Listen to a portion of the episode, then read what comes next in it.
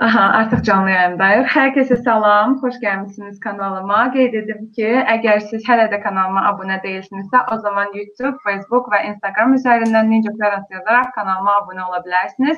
Növbəti Ninja Talks rubrikamızdayıq hal-hazırda və bugünkü qonağım, çox maraqlı bir qonağım var və eyni zamanda da mövzusu da çox maraqlıdır. Panika. Düşünürəm ki, hal-hazırda hamımıza lazım olan bir şeydir. Panika və onu yaşadığımız zaman öhdəsindən gəlmə üsullarından danışacaq bizə bugünkü qonağımız Gülnar Təbrizi. Verirəm sözü özünə ki, özü haqqında biraz danışsın, ondan sonra artıq başlayaq. Buyurun Gülnar xanım, necəsiz? Çox sağ ol Yeva, çox təşəkkür edirəm ki, məni dəvət etdin. Çox indiyənə qədər Ninja Parents çox haqqında eşitmişdim, amma Ninja ananın adının nə olduğunu bilmirdim. İndi çox şad oldum ki, tanış oldum səninlə. E, demək mən Gülnar Təbrizi. Mən artıq e, uzun illərdir ki, 12 ildən çoxdur ki, otel sfera, sferasında çalışıram. Deyəsən e, sən də otel backgroundun var. Aha. Demək bir e, ortaq cəhətimiz var.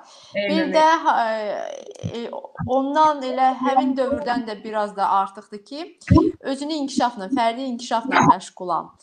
Hal-hazırda selfhelp.az saytının və Instagram səhifəsinin e, təsisçisiyəm. Biz orada fərdi inkişafla məşğuluq. Ümumiyyətlə fərdi inkişaf dedikdə nə başa düşülürsə, orada e, ezoterikadan tutmuş, e, təlimlər, treninqlər, e, neuro e, neurolingvistika və s. bütün texnikalardan istifadə edirik.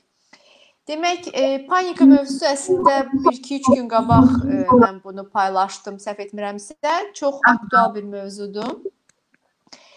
Heç bu barədə danışmaq istəməzdim indiyənə qədər, ancaq vəziyyət elə gətirdi ki, panika haqqında danışmağa ehtiyac yarandı.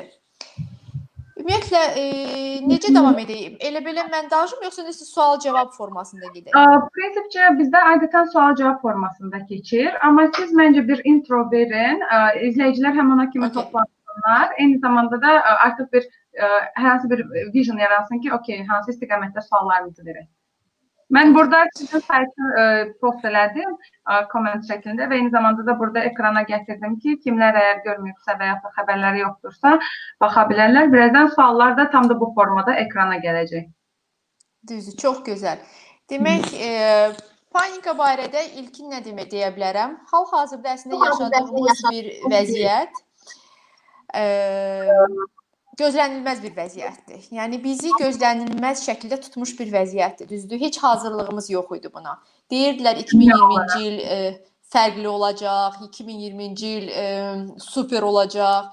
2020-ci ilin əslində gözlənilirdi ki, çox e, gözlənilməz bəzi şeylər olacaq, amma bunu bağlayırdılar hamı.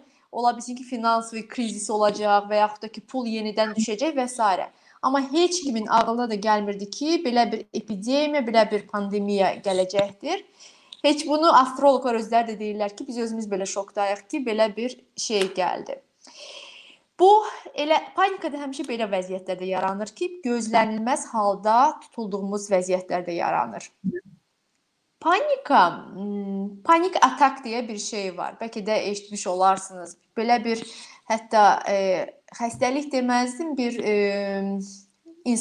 bədən vəziyyəti var, panik atak. Mən panik, panik atak da çox gözəl bilirəm ki, o nə deməkdir. Aha.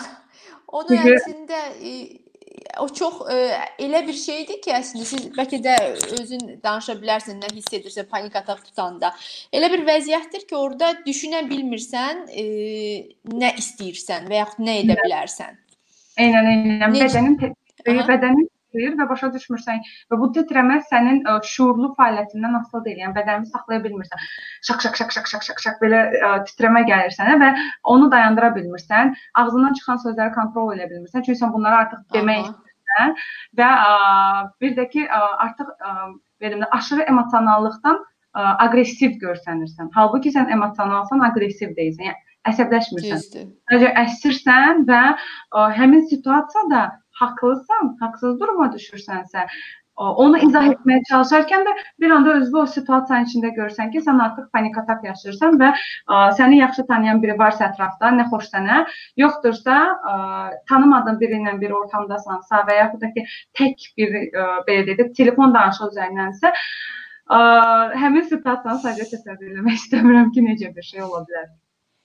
Düzdür. Əslində çox adam bunu bilmir və kənardan çox qəribə qarşılanır. Düşünürlər ki, özünü idarə edə bilmir, ağzının sözünü bilmir, məsəl üçün və yaxud da ki, e, çox emosional insandır. Halbuki heç də belə deyil. Həmin an beyində baş verənləri e, o vəziyyətdə olmayan insan izah edə bilməz əslində. Bu və panik atakın e, ümumiyyətlə e, sui-qəsdlər, canına qəsdlər, sonra e, maşın avariyaları çoxsu həmişə panik atak e, vəziyyətlərində baş verir. Aa. Və hal-hazırda bizim düşdüyümüz bir durum da elə bir durumdur ki, əslində virusdan çox panikadan insan gərək e, biraz narahat olsun. Yəni virusdan bəlkə də insan sağalar, düzdür? Virusdur da düzdür. Cavan, cavan immuniteti yaxşı olan insan sağalır. Amma panik atakın verdiyi travmalar uzun müddət bizlə qalır. Hətta e, ötürə də bilirik öz övladlarımıza. Və düşünün ki, indi hal-hazırda bu pandemiyada bizim evdə öv, körpə balalarımız var, düzdür? Sənin də var, Allah saxlasın, mənim də var, çox adam. Və bu uşaqlar hardasa 15-20 il sonra olacaqlar e, bir böyük bir insan və deyəcəklər ki, bizim uşaqlığımız bu pandemiyada keçmişdi.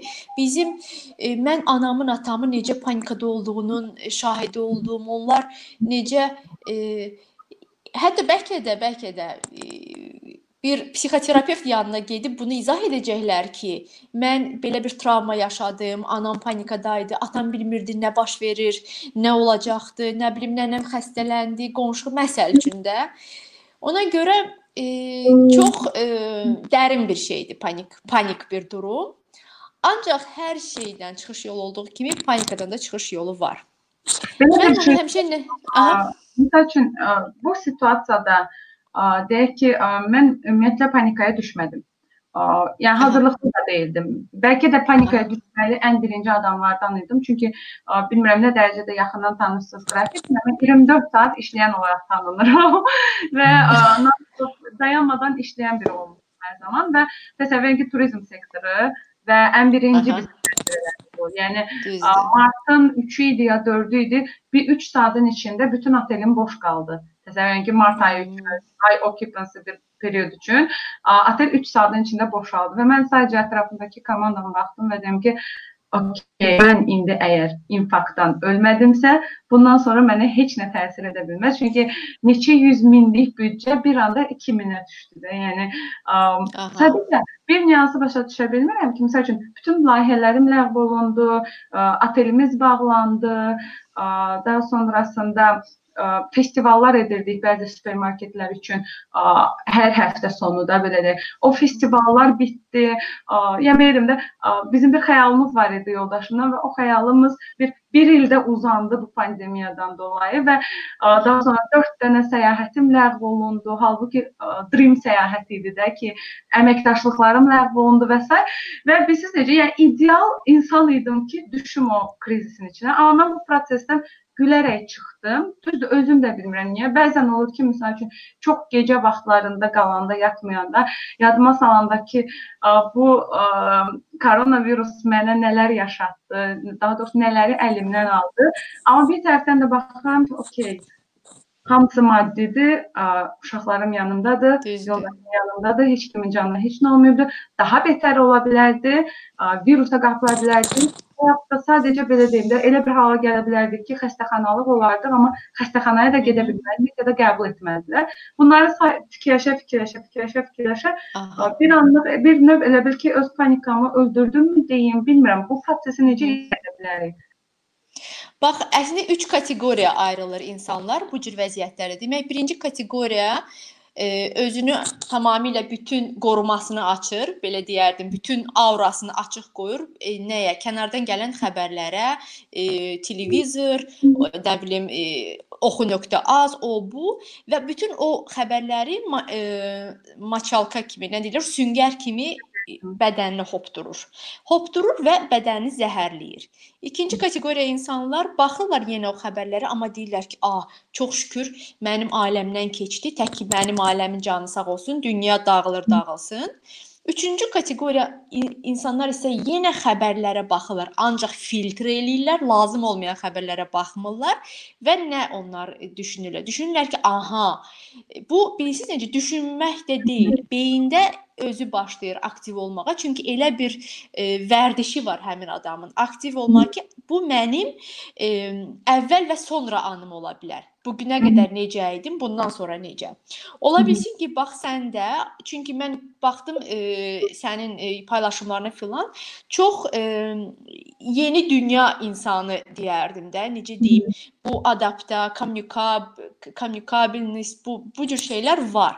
Demək beyin artıq vərdiş olunubdu, hazır idi ki, elə bir vəziyyətlər ola bilər ki, mən əvvəl və sonra anı yaşayam. Və avtomatik beyin reaksiya verdi ki, Yeva, əslində e, sən pis və heç də pis vəziyyətdə deyilsən və bu an bu andan əslində sən xeyrinə bəzi şeylər çıxara bilərsən. Yəni e, egoist şəkildə xeyrinə deyil, sırf inkişaf şəklində xeyrinə. Bu insanların əslində hal-hazırda çox bu saat panikaya düşmələrinin səbəbi e, kütləvi informasiya vasitələrinin çox e, necə deyim o ab abartmasıdır vəziyyəti. Çox e, dəqiqədə bir nə qədər insan, nə qədər insan, nə qədər insan qarşı tərəf də hazırlıqlı deyilsə buna və yaxud qarşı tərəf özünü doğru şəkildə qorumursa, filtr eləmirsə, mütləq həmin o zibil, e, o toksin toplanacaq bədəninə və artıq be beyin özünü buraxacaqdı. Yəni beyin artıq reaksiya verə bilməyəcəkdi. Əslində razıyam. Bayaqlar mən ümumiyyətlə bu koronavirus məsələsi çıxandan bu yana dünya Dünya Səhiyyə Təşkilatı və digər daha vacib belə deyək də, daha rəsmi qurumlardan bu xəbərləri alıram. Çünki əfsuslar olsun ki, bu prosesdə fürsətçil media ortaya çıxdı, hansı ki, belə deyək də, traction yığsın deyə, trafik yığsın deyə başladı bunu öz öz mənafeyinə və ay falan kəs öldü, peşman kəs öldü. Ayda bu gün müsahibə çox maraqlı bir mövzu beynimdə taxıldı. Türklər demiş, televiziyada xəbərdə eşitdim. Ə, belə deyim də ümumi olaraq mən məsəl üçün koronavirus yaran ə, prosesi çıxandan bu yana ancaq girib xəbər saytı oxuyuram. Yəni hər hansı bir ə, televizor ə, Facebookda qruplar və yaxud da Facebookda video xəbərlər, Instagram üzərindən video xəbərlər və s. heç birinə baxmıram. Çünki bilirəm ki, ə, hardasa mütləq şişirdilmə var və mütləq ki, yanlış yarımçıq kommunikasiya var və ona görə də ə, bu insanları təşvişə salmaq xarakteri daşıyır. Amma saytda oxuyanda o axı intonasiyanı sən öz tərzində oxuyursan. Onun dediyim məsəl üçün sən deyirsən koronavirusdan bu gün 10 nəfər öldü. O deyir, koronavirusdan bu gün 10 nəfər öldü. Yəni bundan belə artıq artıq Sən belə insan təşvik edir. Belə qarşısan ki, oh my god, əlavə 10 nəfər və s. Amma xəbər xəbər saytından oxuyanda biraz rahat olursan, biraz sakitləşirsən. Bu gün də televiziyada deyir ki, Azərbaycanda ə, diabetdən və xərçəngdən əziyyət çəkən ə, şəxs koronavirusdan öldü. Aha. Yəni sadəcə bu cümlə. Daha okay. demir ki, bu insan zaten xəstə idi və zaten əziyyət çəkirdi. Yəni qrip belə tutsaydı bu öləcəkdi. Düzdür. Amma belə deyək, o düşünməyən adamlar, diabet, xərçəng, o şeyləri düşünməyən adam deyir, ay da bu da öldü koronavirusda, mənim yaşımda idi, bir yaşda mənim situasiyam. Yəni avtomatik özünü salır o prosesə, özünü salır o situasiyaya və başlayır ayda ayda mənə elə gəlir ki, panika tam da bundan yaranır. Çünki o qədər ə, yanlış belə deyək də öz mənafeyini güdən xəbərlər və ə, televiziya verilişləri var ki, ə, belə qalırsan fikirləşirsən ki, necə bunların içində biraz insan, yəni vicdan yoxdur ki, yəni buna baxan insan belə də ə, hə, stressdən də nəsə tuta bilər. Yəni stressdən tutulan Təbii. Yəni belə bir şey deyim sizə. Mən niyə bu hadisələrə həm də çox belə səthi yanaşıram. Çünki mənim anam ə, stressdən xəstəlik tutub, rəhmətə gedib. Mhm. Və mən Allah rəhmət eləsin. Allah ölənlərinizə rəhmət eləsin. Və o rəhmətə gedəndən sonra mən özümə söz vermişəm ki, heç bir stress mənim həyatıma daxil ola bilməz. Və mən gözümün qabağında sap sağlam anam 3 ilin içində Stres də nəyin stresi idi? Yəni mən başa düşürəm ki, bunu hər kəs o stresi yaşaya bilərdi. Eyni zamanda həm ən sevdiyi bacısını, həm də anasını itirmişdi avtoqəzada. Aha. Və o stressdən sonra mənim anam toparlana bilmədi. Və mən ondan sonra ətrafımda kimlər kimlərin nəyisə rəhmətə gedirsə və s. və laxır maksimum həmin insanı поддерживать eləməyə çalışıram ki, hər şey yaxşıdır rəhmətə gedib heç nə bitməyib. O demək deyil ki, onsuz qala bilməz. Unutma, amma onsuz onunla da takılı qalma, yəni. Mən anam, biz anamı o prosesdən çıxarda bilmədik məsəl takılı qaldı. Yəni qallüsinasiyalara qədər görməyə başladı ki, anam burdadır, bacım burdadır falan falan. Yəni o bəsit bir stres görsənə bilər, amma o bəsit stres elə bir xəstəliklərə gətirdi, çıxartdı ki, mən indi baxıram, yəni həyat necə sadədir. Yəni bir dənə stres çəkirsən və ölürsən. Bu qədər bəsit əslində. Məsələn, bunu belə izah edərdim mən Yeva. E, təbiətdə belə bir şey var, təbii seçmə. E, biraz ağır səslənə bilər, amma məsəl üçün götürək e, təbiətdə e, bilirsiniz ki, zəif xəstə yeyilir. Düzdür? Məsəl üçün, əgər e, bir antilopa e, toplusu qaçırsa, miqrasiya edirsə, o miqrasiyada ölənlər kimlər olur? Xəstələr və zəiflər. Hətta pə, şir, pələng də necə deyim, ovlayanda gedir həmişə onları, kiçik, zəifləri tutur. Yəni təbiətin özünün belə bir seçmə deyə bir qanunu var. Müəyyən müddətdən bir e, təmizlənməlidir proses. Və heyvanlarda əslində biz də bizim də heyvani instinktlərimiz var. Düzdür? Bizdə eyni orqanlarımız var heyvanlarla. Heyvanlarda bu necə baş verir? Heyvan öz e, balasını, anasını və yaxud kiminisə itirəndə ona təbii baxır. Yəni ki, qəza oldu, bitdi. Və artıq həmin andan sonrakı həyatı onun davam edir. Ona görə onlarda bu e, stressdən ölən heyvan olmur, yəni belə deyərdim. Amma insanlarda əksinə, insanlar sivil bir məxluqlardır. İnsanlar bir itkilərini, bir vəziyyəti, və hal-hazırda yaşadığımız vəziyyəti gərək çürüdə, dərinə gedə, qurcalaya, niyə oldu, niyə mənə oldu, onu ömrü boyu onunla yaşayır və bədən də bilirsiniz ki, immun sistem tək fiziki immun sistemdən ibarət deyil. Həm də bunun psixoloji immun sistemi var ki, bir yerdə işləyirlər bunlar. Çökür psixo psixika və psixosomatika nəticəsində nələr yaranır? Nə bilim, döş xərçəngi, nə bilim, e, ağciyər xərçəngi, e, başqa-başqa şeylər. Və panika, stress qədər e, xəstəlik yaradan bir səbəb yoxdur. Ən böyük xəstəlik yaradan səbəblərdən biri stressdir. Panikada əslində panikanın özünün içində 3 komponent var. Qorxu, stress, narahatlıq. Düşünün, üçünü bir yerə alıb bir insanın içinə qoyursansa, dediyim kimi virus bəlkə də heç nə eləməz o insanı, amma onu həmin o stress öldürər və biri var birdən öldürə, biri var yavaş-yavaş, yavaş-yavaş yeyə-yeyə içərdən. Çox Eyni. maraqlıdır. Mhm. Burada bir maraqlı bir ə, sualımız var. Mən istəyirəm onu verim. Deməli, bilmirəm hazırki mövzumuzla nə qədər əlaqəlidir, amma ə, Deməli, salam bir sualım olacaq. Utancaqlıqdan necə qurtulmaq olar? Təşəkkürlər. Aha. Çox gözəl bir sualdır. Əslində mən bu barədə post yazmaq fikirləşirdim. Son 2 gündür insight gəlibdi. Bu barədə çox düşünürəm. Demək, e, bilmirəm o qarşı tərəfdəki xanım e, bilirsə, bilmirsə maraqlansın. Enerji vibrasiyaları deyə bir şeylər var. Yəni bizim enerji e, sahəmiz və enerji vibrasiyalarımız. Həmin o enerji vibrasiyaları bizim yaşadığımız hər bir e, hissə görə dalğalar buraxır ətrafa. Və e, bu e, alimlər tərəfindən ölçülübdür ki, hansı emosiyalar yaşayanda nə dərəcədə vibrasiyalar, dalğalar ətrafa e, biz yayırıq. Düşünün ki, bu sıfırdan başlayır minəcən. Sıfır öldürməkdir, kimisə öldürmək, nəyisə öldürmək. Buna abort da girir, yəni ona daxildir. Ondan sonra e, 30-da düşünün 0-30 arası və bu da 0-dan 1000-dir. 30-da utancaqlıq durur, utanmaq. Utanmaq çox zə çox zəif, çox e, toksik bir e, enerji vibrasiyasıdır. Utancaqlıq əslində insanlara e, elə insanları e, qurban vəziyyətinə salmaq üçün insanların şüur altına yeridilmiş bir e, necə deyim, e, ustanovkadır, bir freyimdir idarə etməsi. Necə qurtulmaq olar bundan? Şüurlu şəkildə seçim etməklə.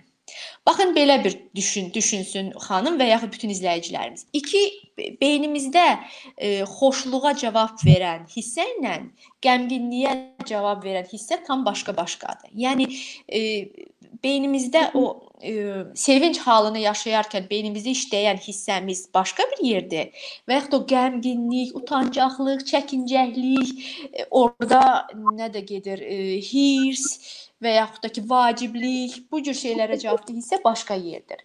Yəni şuurlu şəkildə qiymətləndirsin özünü. Hətta bunun bir şkalası da var. İnternetdə də tapa bilər, Google edib. Enerji vibrasiyalarının şkalası. Hər dəfə o hissi yaşayanda utancaqlıq hissini düşünsün ki, ayda mən hal-hazırda çox aşağı enerji vibrasiyalarındayam. 30-lardayam. Yəni düşün. O insan ki, onun norması olmalıdır 200. Və düşünsün ki, mən niyə utanıram? Nədən? Ola bilsin ki, e, uşaqlıqdan onun utandırılacaq bəzi e, travmaları var. Ay nə bilim filan kəsin uşağı belə oldu, filan kəs uşağını sən belə oldun, sən elə oldun. Nəsli travmalar ola bilər və yaxud da ki, özünü qəbullanmama ola bilər. Bir araşdırsın şuurlu şəkildə ki, mən niyə utanıram, mən niyə utancaqlıq hissi yaşayıram və qərar verməlidir. Mən həqiqətən bu enerji vibrasiyasında olmağı istəyirəmmi? İstəyirəmsə davam edirəm. İstəmirəmsə artıq öz üzərində işləyib yavaş-yavaş o enerji vibrasiyalarını qaldırmalıdır. Heç olmasa 200-ə. Yəni bunun hamısı öz üzərində işlə bağlıdır. Bunu bir dəfə oturub praktika eləyib və yaxud da ki, getsin filan koçun yanına, filan psixoterapevtin yanına düzələcək, elə deyə bir şey yoxdur. O hamısı yalandır. Ay filan quru, filan şey, filan.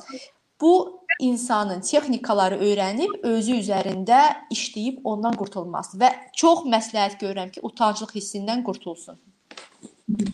Belə bir sualım olacaq. Elə Kakazdakı coach və, və s. dediniz, istədim o barədə soruşum. Panikadan belə deyək də insan hansı halda özü çıxa bilir?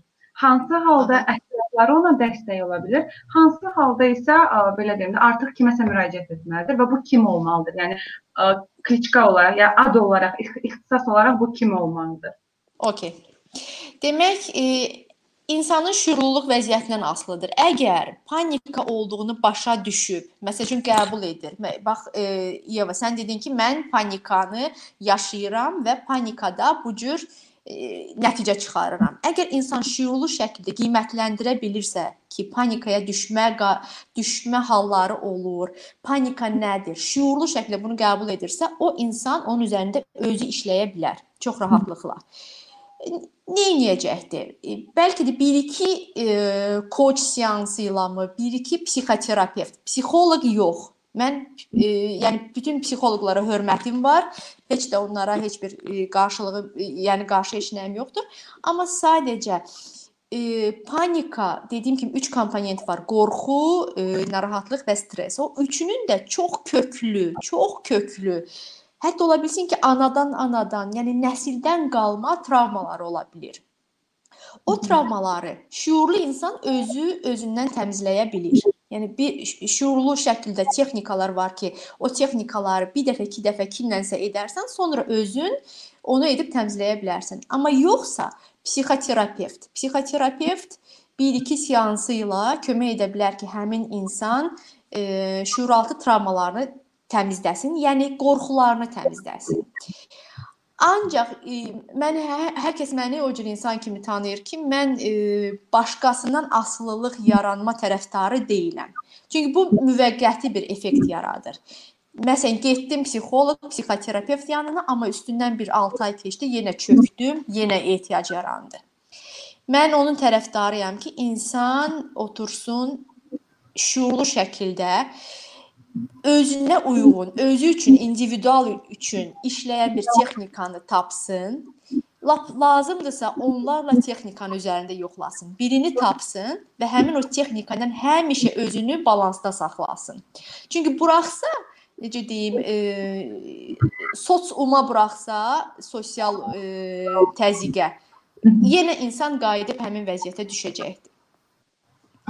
Belə bir şey. Yəni mən psixoterapevt və hipnoterapevt məsləhət görərdim. E, koçlar xüsusilə e, bu psixoterapiyadan, sonra e, psixosomatikadan məşğul olan e, koçları məsləhət görərdim. Ən birinci də insanın özü bunun məsuliyyətini daşımalıdır. Belə bir sual verim. Kinolarda görmüşük ki, panika keçirən bir insana ya qışqırırlar, ya silkələyirlər, ya da bir dənə sillə vururlar çox gözəlindən. Şillə. Bu effektivdirmi? Və bir də ki, yəni mənə görə bu o, belə deyim də heç bir təsir eləməz. Məsəl üçün mənim kimi adama həmin periodda kimsə şillə vursa, əksinə mən daha da coşaram, daha da belə deyim də partlamaya bilərəm də. Ə, bir anlıq təsəvvür edirəm ki, okey, həmin periodunda kimsə mənə belə bir şey eləsə, Hı -hı. bəlkə də bu belə deyim də biraz da xarakterlə əlaqədardır ki, yəni sən kimsə mənə belə bir şey edirsən dərmişcəsinə, amma ə, bütün kinolar bunu tə təbliğ edir. Yəni nəzərə alsaq ki, biz belə deyək də millət olaraq dəhşət çox seriallara baxan biriyik və bunların ə, hardasa bir 70-80%-ni rus ə, rus nə idi, türk serialları əhatə edir və türk seriallarında da təbliğ olunan budur. Yəni qadın əsəbləşir, ya kişi əsəbləşir, biri gəlir ona top şillə, bu özünü boşaldır, ağlayır, sızlayır və dayanır. Bu belədirmi real həyatda da? Yox, heç də bu bir e, mifdir. belə deyərdim. Ən ən pisi də odur ki, həmin an özü belə şokdur. Yəni həmin an özü belə travmadır. Bəlkə də o ani şəkildə, o beyində dediyim kimi, məsəl üçün amigdaladan bir e, siqnal gəldi ki, ayıl, bəsdir. Ola bilər. Həmin an ayılsın və məsəl üçün daha e, daha məntiqi e, bir reaksiya versin. Ola bilər. Məsəl üçün analar düşünün də biz anayıq. Olur ki, məsələn məndə də olubdu ki, e, uşaq birdən-birə kö lap körpə vaxtı birdən burnundan qan gəldi. Aha, panika tutdu ki, görəsən nədir? Amma ana instinkti elə bir ki, bir e, nəsə bir səni sirkəlir və yaxud da ki, yanında kimsə deyir ki, narahat olma, narahat olma, bir düşünürsən ki, yox, nə edə bilərəm və ata bəlkə də özündən gedər, ancaq ana e, ana götürər məsələn uşağın alnına nə bilim yaş dəsmal mı qoyar və yaxud da dikim saxlar və s. Ona görə o ani bir effekt verə bilər o instinkt, şok. Amma heç də həlli yolu deyil və qorxmaq lazımdır ki, həmin o şokun yaratdığı bəlkə də başqa bir travmalar ola bilər. Aha, hətta ə, belə bir ə, belə deyim, sual gəlibdi. Afaq xanım soruşur. Ə, Günər xanım, onlayn konsultasiyalarınız olurmu? Ə, mənə çox maraqlıdır Günər xanım. Ümumiyyətlə bu istiqamətdə ə, onlayn konsultasiyalar nə dərəcədə effektivdir? Yəni touchingdir. Yəni nə, nə dərəcədə insana toxunmaq olur bundan? Çünki mən məsəl üçün ə, onlayn psixoloq yardımından hər zaman qaçmışam ki düşünmüşəm ki, o mənim real situasiyamı başa düşməyəcək, bilməyəcək. Həqiqətən də burada olanda məsəl üçün deyək ki, normalda əlim necə danışır, ayağım necə durur, ona əsasən də nəsə bir qənaətə gələ bilərsə, belə deyək də, lap səslə ya indiki məsəl üçün siz ancaq əllərimi görürsüz də, düzdür? Yəni indiki situasiya ilə okey, nə dərəcədə mənə effektiv ola bilər? Bu maraqlıdır və fikirlərinizi bilmək istəyərdim bu barədə. Çox gözəl bir sualdır.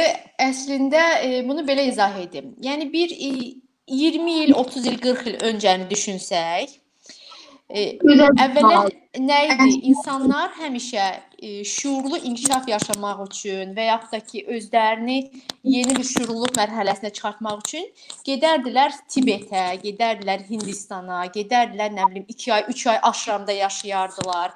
Nə bilim gedərdilər aylarla konsultasiyalara gedərdilər birə-bir. E, toxunmanın və yaxud o kinestetikanın böyük rolu var idi ki, onu bədəninlə yaşamalısan. Hı -hı. Ancaq dünya çox tez dəyişməyə başladı. Son 30-20 ildə o qədər e, e, enerji sahəsində e, tullanmalar oldu ki, həmin o vaxt e, necə deyim, o uzun vaxt yığıldı, aralar yığıldı. Yəni bir vaxt insan 6 aya, 1 ilə, 2 ilə şuurluluq dəyişə bilirdisə, indi bir günə belə bunu dəyişə bilir. Çünki informasiya dövrü, informasiya erasına keçdi insan. Əvvəllər e, mən də onun tərəfdarı. Şəxsən mən özüm e, həmişə mən e, onun tərəfdarı idim ki, mən gedəcəm, e, məsəl üçün 6 ay aşramda yaşayacağam və o orada aydınlanacağam və geri gələcəm. Belə bir planlarım da var. Hətta birini də eləmişəm buna uyğun bir şey. Amma sonra öyrəndikcə öz e, enerji sahəmi öyrəndikcə başa düşdüm ki, heç də elə deyil. Hətta mənim əvvəllər konsultasiyalarım da offline olurdu. Mən birbaşa insanı görməli idim. Mən birbaşa onu hiss eləməli idim. Mən birbaşa onun gözlərinin içinə baxmalı idim. Mənə həmişə ekran elə gəlirdi ki, mən şüşədən baxıram həmin insana. Eynən mən offline Ancaq sonra e, öyrəndikcə bax bunu nəyə nümunə gətirim? Reiki deyə bir şey var. Reiki eşitmiş olarsınız. Əvvəllər reikilər, reikilər nə edirdilər? Reikilərin e, onlar toxun toxunaraq e, insanı sağaldırdılar da, necə deyim, e, Azərbaycanda da bu başqa adla adlanır, amma e, uzaq Asiyada reiki deyirlər. Amma reikiləri hazırda Doktor Strange-də də onlardan var bəhs edən bir kadrlar var. Əgər eyni şeydən danışırsa.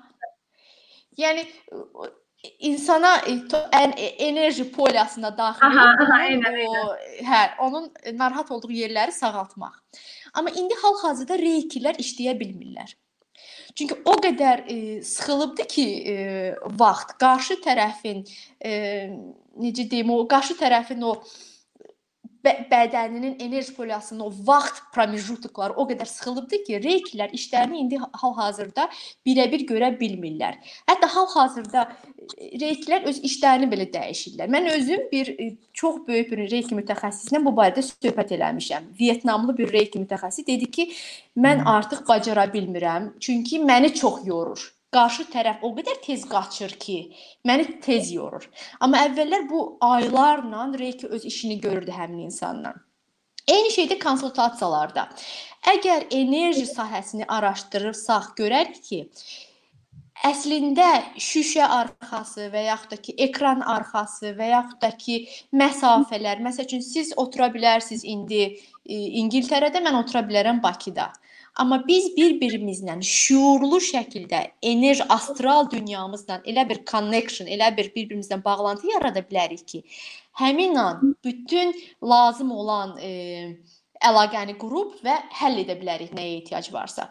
Ona görə mən hal-hazırda Tembol koronavirus dövründə offline konsultasiyalara heç də e, tərəfdarı deyiləm və onu da əminliklə 100% deyirəm ki, onlayn konsultasiyalar eyni effekti verir və ya və, və daha da rahat olur. Daha da çox da rahat.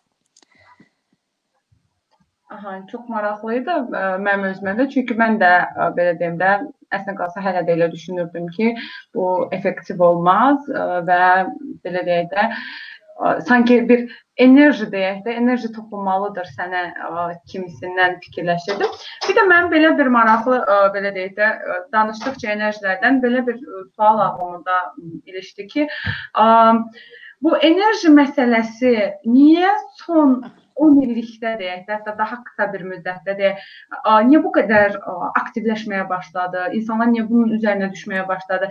Əvvəllər yox idi mi, yoxsa var idi da? Aha o qədər inkişaf mı etmirdi? Yəni bu dünyəvi olaraq baş verir deyə sırf Azərbaycana bunu şamil edə bilmərəm. Çünki ə, dünya olaraq biz enerji gücünə inanmağa başlayırıq artıq.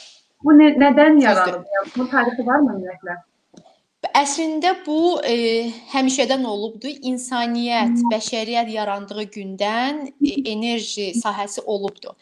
Və bunun indiyənə qədər də lazım olan insanlar özləri üçün istifadə ediblər. Bunu mən hətta böyük idarəçilər, böyük insanlar, insanlar necə deyim, ə, hətta ə, bəzi deyə bilərəm sizə ki, hal bir neçə ilin söhbəti, harsa bir 3-4 ilin söhbəti çox böyük insanlar ə, xüsusi enerji ilə məşğul olan insanları dəvət edərdilər evlərinə və yaxud da ki, xüsusi bir yerlərə və onlardan məsləhətləşməmiş iş görməzlər. Bu indi də elədir, həmişədən də olubdu. Sadəcə e, orta əsrlər dövründə e, orta e, din, dini din, dinə qarşı bir insan deyiləm mən, amma əgər din manipulyasiya edirsəm ona qarşıyam. Din başlayır girir e, manipulyasiya rol. Günlər xanım sizdə set getdi, internet kəsildi. Günlər xanım da set getdi deyəsən.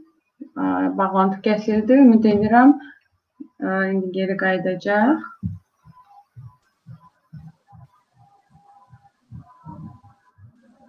Yeva? Aha, buradasınız. Aha, hə. Məndə nəsə e, məndə video niyə getdi? Bir dəqiqə baxım. Kimsə mənim danışmağımı istəmədi deyəsən. Ola bilər. Bircə dəqiqə mən burada niyə görsənmirəm? Səsim gəlir amma görsənmirəm deyəsən, Aha, düzdür? səsim gəlir amma görsənmirsiniz. Amma vроде бы mənim videom açıqdır. Hı -hı. Mən e, təzədən qoşula bilərəm görəsən, yoxsa problem yox? Aha, yenidən gələ bilər. İstəyirsiniz mən sizi çıxardım, siz yenidən qoşulun. Mən leave eləyim, girirəm onda. Aha. Aha, tamam. Bəli dostlar, bugünkü mövzumuz panika və onu yaşadığımız zaman öhdəsindən necə gələk? Suallara əsasən isə, verilən suallara əsasən isə biz getdik enerji bərpasına və enerji ə, mövzusuna inamların hardan yaranmasına və necə indi bu mövzunun aktual olmasından danışacağıq. Aha, Günər xanım qoşulmaq üzrədir. Görək, anlamı qoşma. Aha, vəsə. Yenidən xoş gəldiniz. Gəldim. Aha, okey. Xoş gördük. Nəsə e, ener enerji ağır oldu deyəsən. Heç Okey. istəmədim. İnternet internet dayana bilmədi.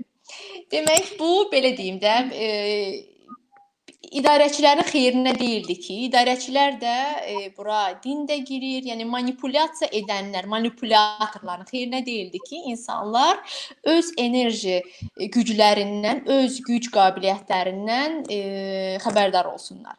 Çünki öz enerjisini bilən insan, enerjisini kontrol edə bilən insan toxunulmaz insandır. Yəni bəzi praktikalar hətta var ki, o praktikaları edib e, çıxarsan çölə və heç bir şey sənə təsir eləyə bilməz. Söhbət burada m, sırf e, o necə deyim, e, astral baxımdan, enerji baxımdan qorunmadan deyirəm. O deyir ki, göz dəyir mənə, ay nə bilim, qara basma, ay nə bilim, e, qara qüvvələr, kimsə mənə bax qadınlar çoxa müraciət edirlər ki, kimsə mənə cadu edibdi, nə bilim bəxtimi bağlı filan beşməkdən. Bax bu hamısı enerji polyasının, ətrafımızda olan enerji sahəsinin zəifliyi deməkdir. Amma bu enerji e, bunu bilən insan təbii ki, özünü qoruyur, düzdür? Və özünü qoruyan insanı da idarə etmək çətindir. Ona görə bu heç də xeyrinə deyildi e, hökumətlərin və yaxud idarəçilərin ki, insanlar ayılsınlar və öz enerji poliyalarını bilsinlər. Ancaq son e, hardasa 10 il, deyərdim 90-lardan da daha çox bu başladı. Çünki informasiya döv informasiya dövrü öz pikinə qalxdı. İnformasiya dövründə artıq informasiyanı kontrol eləmək çətinləşdi və insanlar başladılar oxumağa, öyrənməyə, praktika eləməyə. Və hal-hazırda da e, şuurluluq, insanların şuurluğunda bir oyanış baş verir. Baxın elə indiki yaşadığımız dövr belə bəlkə də bizi qaldıracaqdı 500-ə, bəlkə də 600-ə qaldıracaqdı. Hər bir oyanışlıq dövründə insanın biraz da gözü açılır ki, "A, mən necə güclüymüşəm. A, mən necə bundan xəbərdar deyilmişəm." Yəni bu həmişə olubdu. Sadəcə bu e, lazım olan insanlar özləri üçün istifadə ediblər həmişə. Ancaq e, ba- baxın e, kinolardan deyirsiniz, elə deyim də e, kinolarda nədir? Həmişə kralların bir astroloqları və yaxud advisorları deyirlər də asla e, münəccimləri, münəccimləri Münəccim. olurdu ki, çağırardılar və məsləhət alardılar və onun dediyi hər şeyi eləyərdilər. Münəccim o demək deyil ki, ancaq e, ulduzlarla söhbət eləyir. Yox. Onların da xüsusi texnikaları vardır ki, o həmin insanın enerji polyasını gücləndirib, təmizləyib və e, məsləhətlər verir. Məsələn, bu günlərdə filan şey eləmək olar, bu günlərdə eləmək olmaz və s. Yəni bu həmişə olubdu. İndi sadəcə ay, ay oyanıqlıq dövrüdür. Buradan belə bir sual yarandı məndə. Biz hardan hara gəldik? Enerjilərdə belə deyim də, belə bir maraqlı bir sual yarandı ki, bəs o zaman ekstrasenslərin o, o belə deyək də enerji məsələsi, görmə məsələsi, yəni bunun enerji ilə belə deyək də varmı elə bir şey ki, yəni ölü ölü insanın enerjisini hiss edəsən və yaxud da ki, yəni normal bir insan bunu hiss edə bilərmi, yoxsa həqiqətənmi onlar deyirlər, vergi verilmişlərdəndirlərmi? Çünki sözün uzunluğu Əslində, əslində o vergi verilmişdi, nə bilim qurulardı, nə bilim xüsusi güclü insanlardır. Bunlar hamısı başaldadıcı şeylərdir.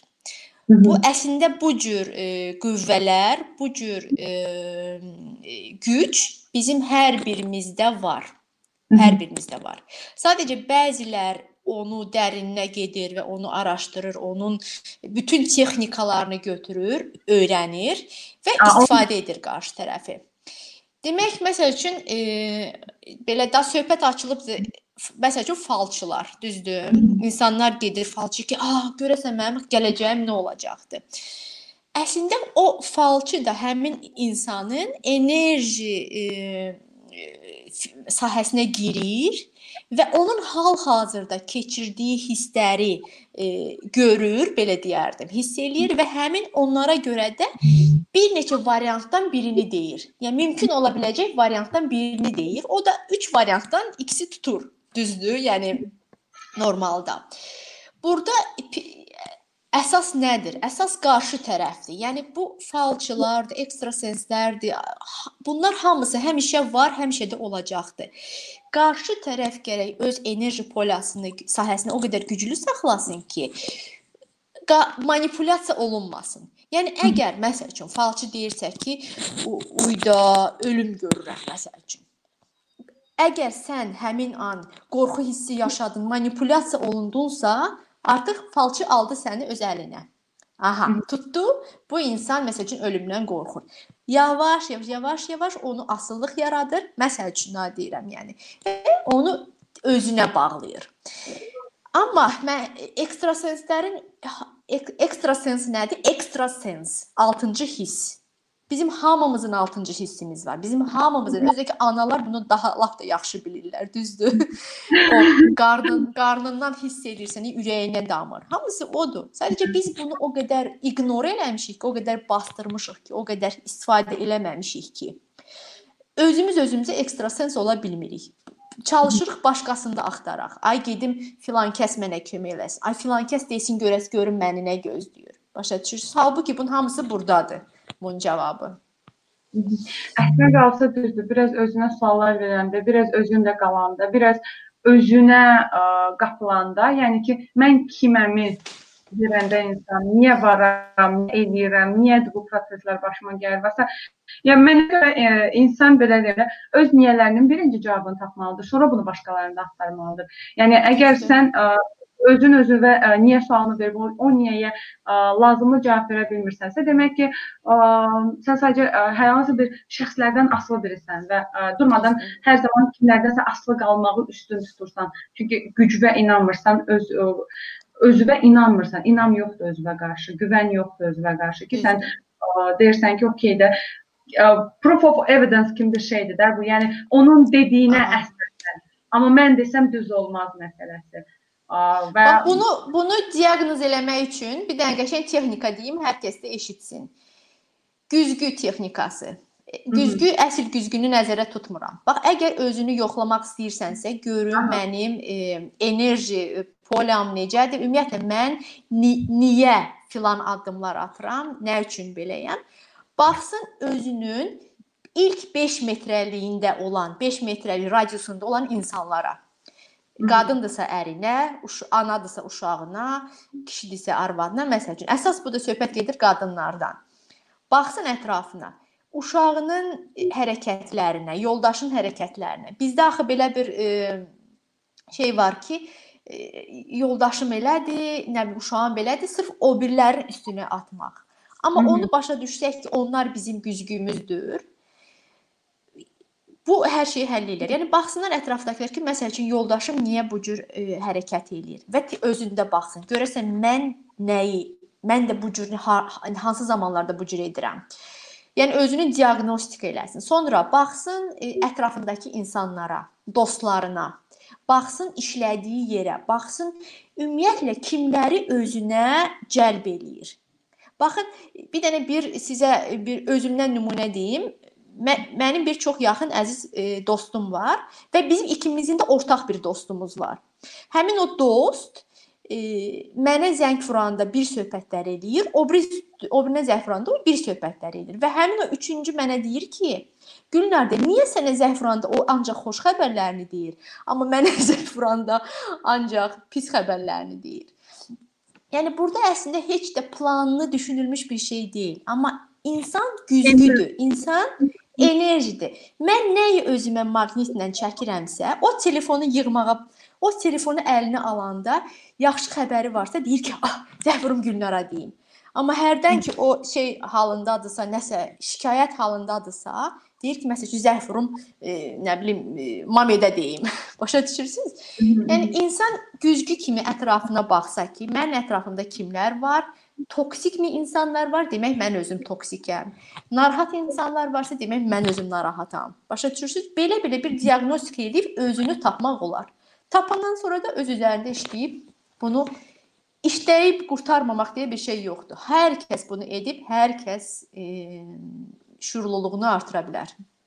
Çox təşəkkür edirəm Gülnar xanım. Sizi bir ə, 50 dəqiqədə biz yoruruq, artıq danışdırırıq.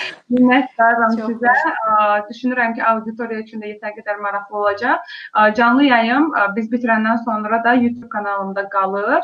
Ə, çünki mən indi danışa-danışa da ə, Instagram üzərindən də ə, yönləndirmələr elədim. Çünki bəzi analar yazıb ki, mənə Instagramda çox xahiş edirəm canlı yayımı saxlayın. Uşağı yatızdırıram, niyə bu vaxta salırsınız? Kimi yazırlar. Ə, ona görə qeyd etmək istəyirəm ki, canlı yayımımız qalacaq. Yəni sonradan da daxil olub YouTube kanalında baxa bilərlər. Zaten canlı yayımları YouTube kanalına üzərindən etməyimin yeganə səbəbi o oldu ki, Instagramda canlı yayımı edəndə heyfim gəlir o canlı yayımlara. Yəni bu qədər dəyərli məsləhətlər verilir. Bu qədər dəyərli insanların ə, belə deyək də yazışırsan, onlardan vaxt alırsan, onları dəvət edirsən, danışsan, danışsan və 24 saat oldu qutardı, yoxdur və ə, belə fikirlər, hər şey yoxa çıxır da. Halbuki məsəl üçün indi tətbiq YouTube kanalında qalır və insanlar həqiqətən də özünə lazım olanda da girib baxır ki, okey, filan qonaqla söhbət var idi. Məsələn, bir ay əvvəl olan söhbətimizə belə indi ə, Instagram üzərindən və ya da Facebook üzərindən geri dönüş edənlər var ki, çox sağ olun, canlı yayıma qulaq asdım, çox maraqlı idi. Və hər alırsan, okey, çox gözəl taktika seçmisən ki, Instagram üzərindən davam edirsən bu canlı yayıma. Çox təşəkkür edirəm sizə. Minnətdaram vaxtınız üçün. Mən canlı yayımı sonlandırım. Biz sizinlə bir şəkil çəkdirək. Ondan sonra sizinlə sağollaşın. Oldu. Çox sağ ol Yeva. Təşəkkür edirəm və tamaşaçılara da deyirəm, e, əgər nə sualları varsa yönlən yönlənib mənə yaza bilərlər və selfhub.az e, girib oradan da oxuya bilərlər postlarımızı. Çox təşəkkür edirəm. Sağ olun.